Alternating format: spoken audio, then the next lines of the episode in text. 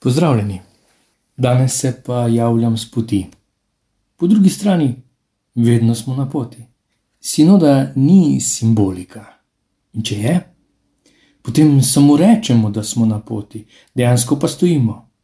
Morda, samo morda smo v pričakovanju, v čakanju, kar spomnimo se Abrahama prejšnje nedelje. Če bi ne čakal, bi ne skočil po konci. In če nismo na poti, potem morajo drugi k nam.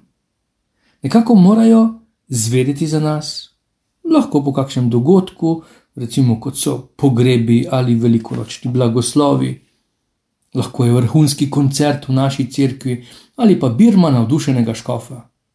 Pa bo obiskovalec tega dogodka slovesnosti še prišel, nas bo morda priporočil še drugim, ker tako vejo, kje nas najdejo, ali pa smo na poti tudi na poti srečevanja, ker dejansko pa smo na poti. Seveda se naš hišni naslov ne more iz dneva v dan spremenjati, vseeno pa nas koledar vabi naprej. In na tej poti sprejemam tudi povabilo verovati.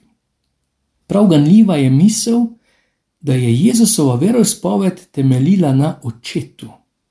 In ta temelj ga je stal življenje, spomnimo se prejšnje nedelje, oče naš, molitev, pogovor, konferenčni klic, v katerega je povabil učence in nas, gradi na odnosu do očeta.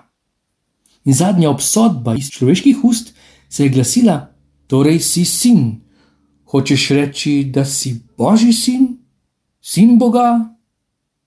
Kako daleč seže moja veroizpoved? Kako osebna je.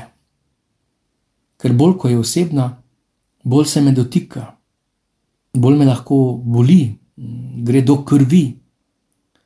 Ker verespoved poprečnega kristjana se lahko glasi: nekaj je nad nami.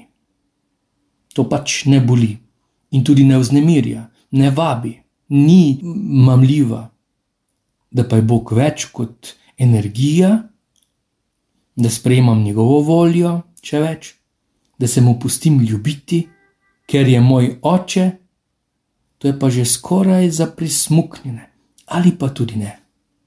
Mogoče pa vse ostalo nečimrnost. Kot danes pravi pridigar, vsa navlaka, vse, kar se prikrade, kot nadomestek ali odvečno, kar se dela kot vera in ljubezen, ali pa je kar očitno greh. Nečimrnost zato sinoda, zato pot in ja, moj kamino, s katerega se oglašam, za mano je kar dobrih 200 km, no, v resnici bolj slabih 300, in opažam, koliko razvad in neumnosti in greha in zapravljanja časa, kar samo odpade. No, da ne bo preveč idealizirano, tu so še mnoge trdovratne slabosti, ampak na poti tudi nisem sam.